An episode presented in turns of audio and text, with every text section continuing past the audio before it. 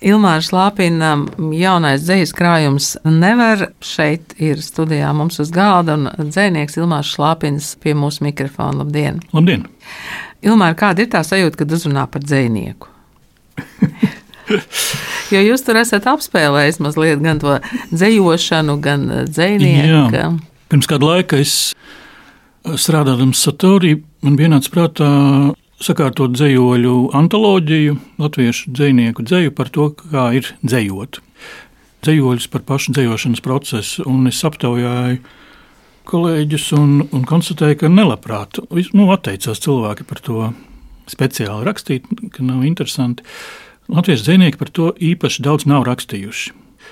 Un man tas kaut kā iekrita sirdī, jo Vēl no filozofijas studijām es atceros to tēzi, ka filozofija pirmām kārtām ir domāšana par to, kas tad īsti ir filozofija. Un, uh, man liekas, ka arī dziniekam ir ļoti svarīgi rakstīt par to, ko nozīmē rakstīt dzēju. Un, uh, nu, pašreflektēt, apzināties, likt valodai rakstīt pašai par sevi. Nu, tas man šķiet ļoti interesanti. Tā kā kaut kādā veidā Laika periodā tapa vairāk šādi dzējoļi, kas izveidoja atsevišķu nodaļu jaunajā krājumā, dzējas priekšstati.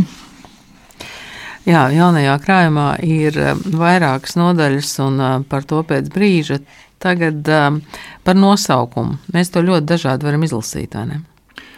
Jā, un es gan neesmu latviešu valodas izrunas speciālists, bet man šķiet, ka arī latviešu atšķirās. Uh, vai intonācija, vai tā e-burta platums, atkarībā no tā, vai mēs sakām pavēles formā vai stāstījuma izteiksmē. Nu, tādā pavēles formā būtu nevar. Nevar, un stāstījumu viņš nevar. Viņš nevar. Platāks tas ir.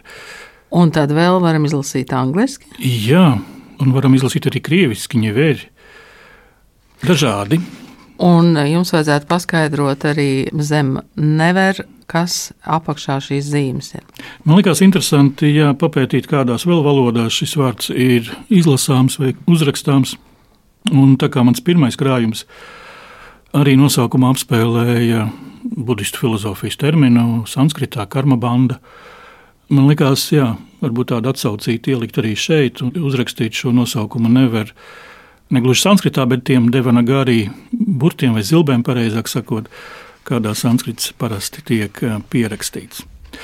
Un eh, tas, ja man ir jāpaskaidro šis nosaukums vēl dažādos veidos, tad uh, man šķistu interesants tas skaidrojums, ka vārds nevar apzīmē neverificējamus spriedumus, vai precīzāk sakot, slēdzienus. Loģikā Mēs varam izdalīt verificējumus slēdzienus un neverificējumus. Tas ir tādus, kurus nav iespējams pierādīt. Un man šķiet, ka dzējā, dzējnieks runājot ļoti daudz, ja ne pilnībā visu, raksta šādiem neverificējumiem slēdzieniem. Mēs nevaram nekādī pierādīt, mēs nevaram atrast pietiekamu apstākļu kopumu, kas pierādītu to, kas dzējā ir pateikts. Tā ka mums atliek tikai vai ticēt vai neticēt tam. Varbūt tas ir arī iemesls, kāpēc latviešu dzinieki negrib rakstīt par to, kā top dzēja. Jo. jo neko nevar pierādīt.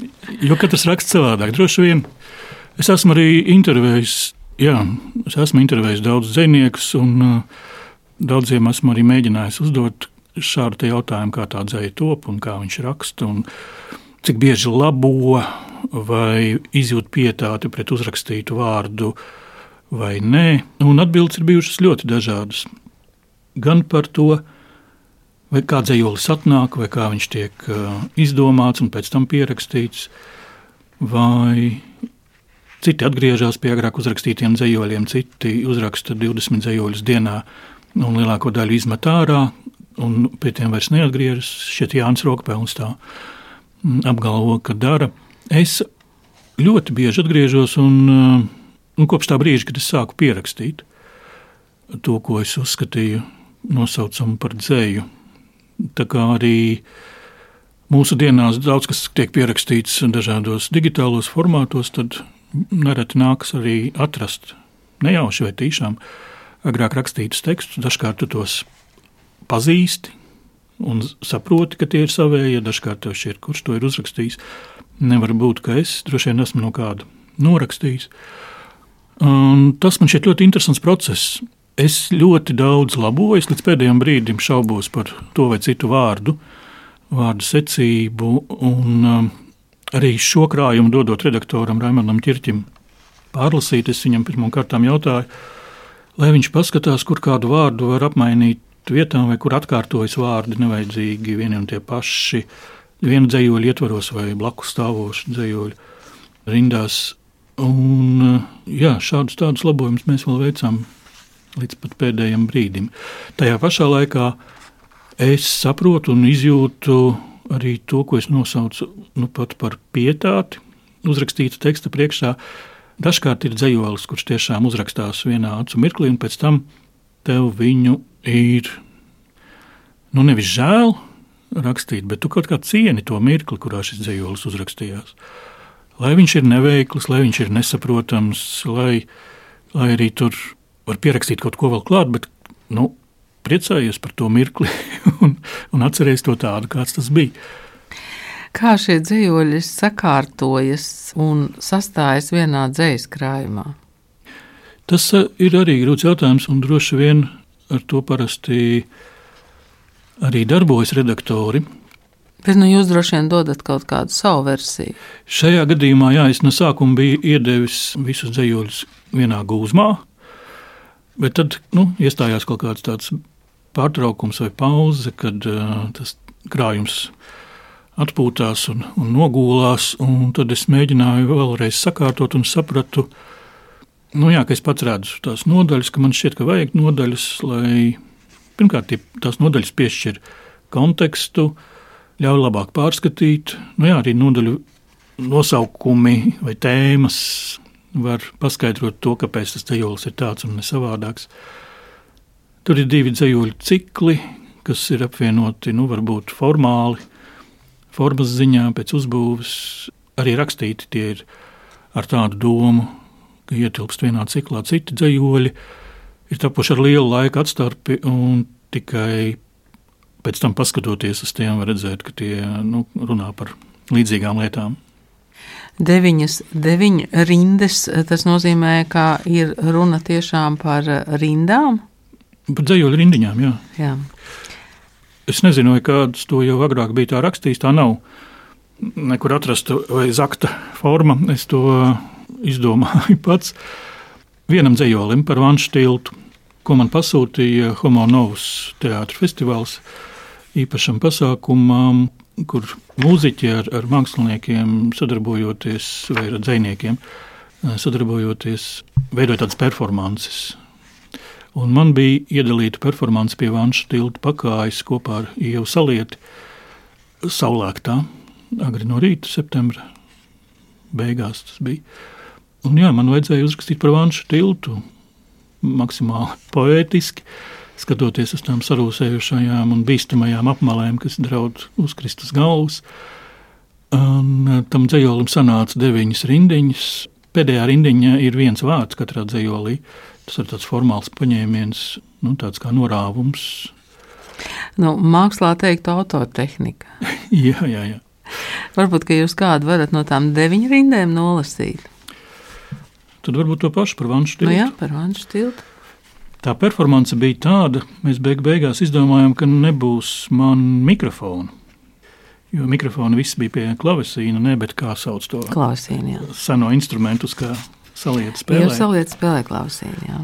Un man bija jārunā balsī, un cilvēki bija sanākuši, tie bija divi rīti pēc kārtas, cilvēki bija sanākuši 20, 30, sasēdušies tādās tribīnēs, Un es izdomāju, ka es pielavīšos katram pie auss, no aizmugures blakus apsēdīšos un katram personīgi to dzējoli arī norunāšu. Un tad es mēģināju 20, 30 dažādās intonācijās, vai dažādā tempā, ar dažādu attieksmi vienu un to pašu tekstu lasīt. Seno vanšu kaujas mākslu tiltā, rūsa kāpj un pārlec margām pāri, tilta ēnā iedeguši puikas kaujas, atgūlies uz kraujas, tumsnēs kurjers vēro gaismas ņirbu gurdi plūstošajā upē, silti, brūnas rūsas, pilnas viņa saujas. Jā, un droši vien, ka ne tikai grafiski, bet arī skaniski būtu pavisam citādi dzējoļi, kas ir um, nodaļā kari un plūdi.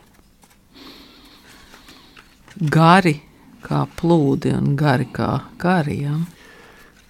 Arī šai nodaļai ir sava vēsture.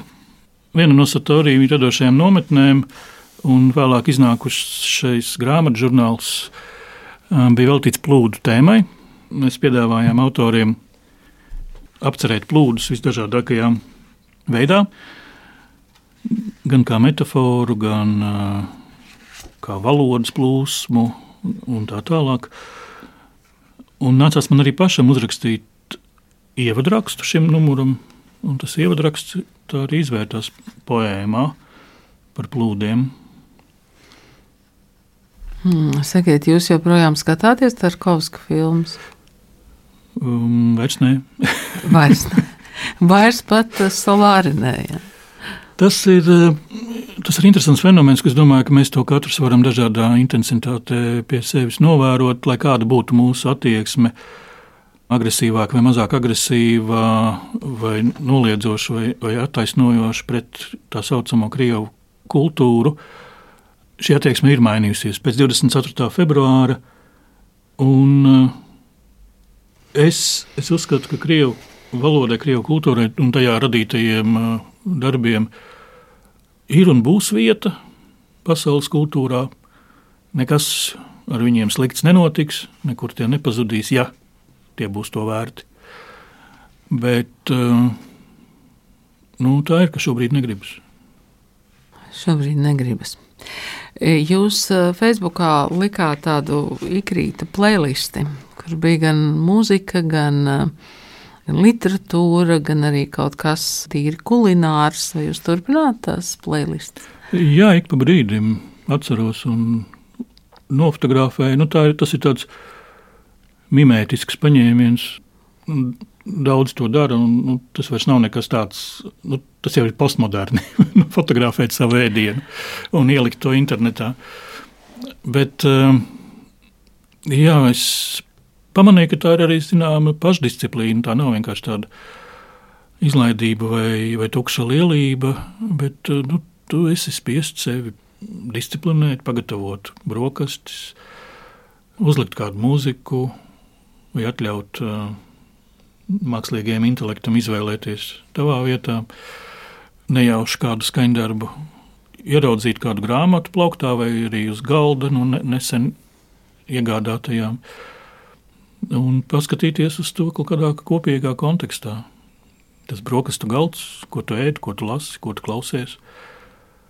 Mm, es, nesaku, pasaka, es nesaku, ka tas diktē to, kas mēs esam tajā brīdī, bet kaut ko par mums pasaka. Un arī jā, par piemiņu. Tas kalpo par piemiņu. Es reizēm mm, arī ieraugu to, ko es esmu pirms gada vai diviem ēdis, klausījies un lasījis. Un, uh, un kaut kā sevi atceros. Kādas jums ir attiecības ar mākslīgo intelektu? Hmm. Uh, nē, es uh, nedemonizēju un neidealizēju šo parādību. Un es domāju, ka nu, līdz šim, un es domāju, vēl ilgi, un varbūt vienmēr tos algoritmus kas darbina mākslīgo intelektu, noteiks tomēr cilvēks, vai būs kaut kādā veidā ietekmējis cilvēks.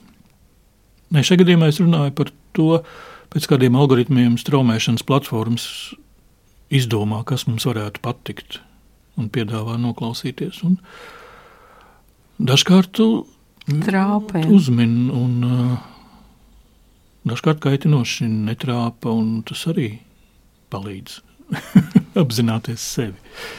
Atgriežoties pie dzīslas grāmatas, mēs te mazliet runājām par vāku. Sakiet, kā radās šis vāks?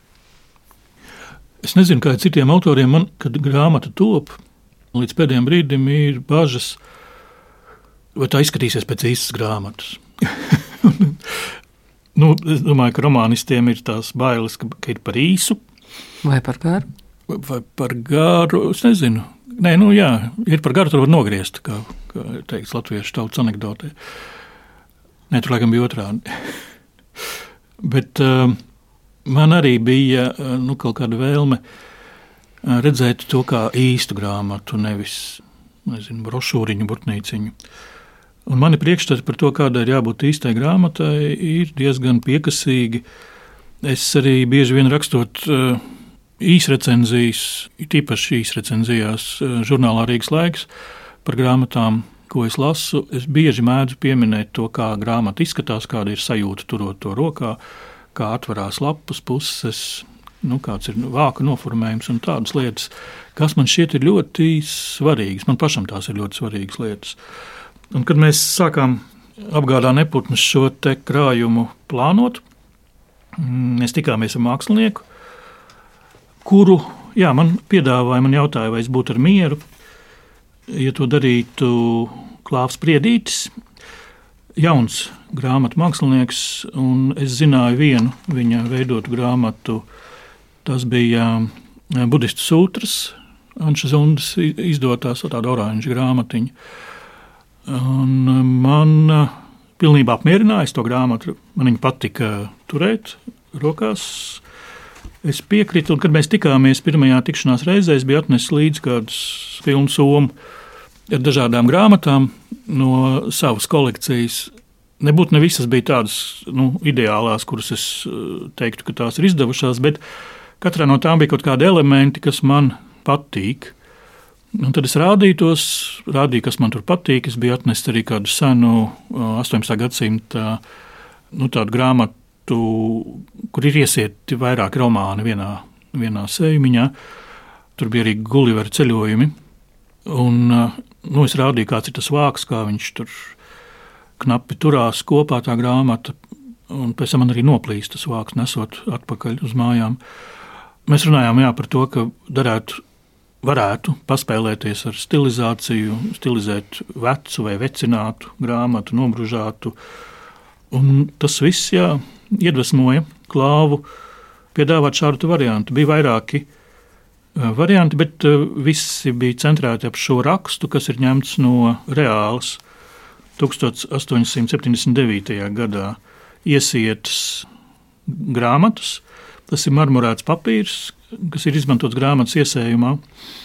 Roku darbs toreiz tas bija. Nu, šajā gadījumā ir, tas ir citāts, tas ir ieskanēts un, uh, un uzlikts virsū kā citāts. Tāpat par citātu var uzskatīt šos nogrieztos stūrus, kas savulaik tika izmantoti, lai apvilktu tos ar ādu vai kādu stingrāku papīru, lai tie nenodiltu.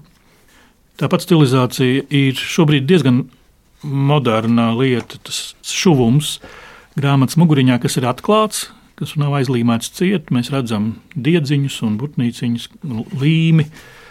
Bet arī tas atgādina to situāciju, kad jums ir veca grāmata rokās, jau izjukusi, bet joprojām mīļa. Un uh, arī burtveidols ir šai grāmatai īpaši piemeklēts.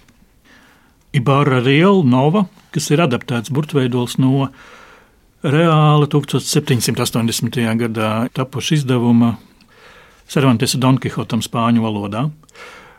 Un pirmajā acu uzmetienā varbūt tas nav nekas nu, mēs neredzam tajā neko tādu īpašu. Viņš nav tur kaut kāds ar ķeburiem un kruzuļiem. Varbūt tikai pievelkot pavisam tuvu, mēs ieraugām, kādas ir uh, mīkstās zīmes, kādas ir jautājuma zīmes. Tā vispār ir. Es iesaku, ja katram, kam šī grāmata ir rokā, paņemt palielināmo stiklu un pietuvināt jautājumu zīmi. Man pat žēl, ka tikai divos dzējoļos šķiet es izmantoju jautājumu zīmes. Uh, tik skaistas tās ir. Vajadzēja vairāk, varbūt. Jā, jā. ja būtu zinājis, es būtu nosaukumā ielicis. nu, tagad, eh, pirms eh, katrs pats atrod gan jautājumu zīmes, gan pilnīgi visas citas eh, zīmes, varbūt jums ir kāds zejols, ar kur jūs gribētu šodien šo, šo sarunu arī noslēgt. Man, diemžēl, ir daudzi gari ceļoļi, kurus nolasīt būtu gari. Būtu par garu.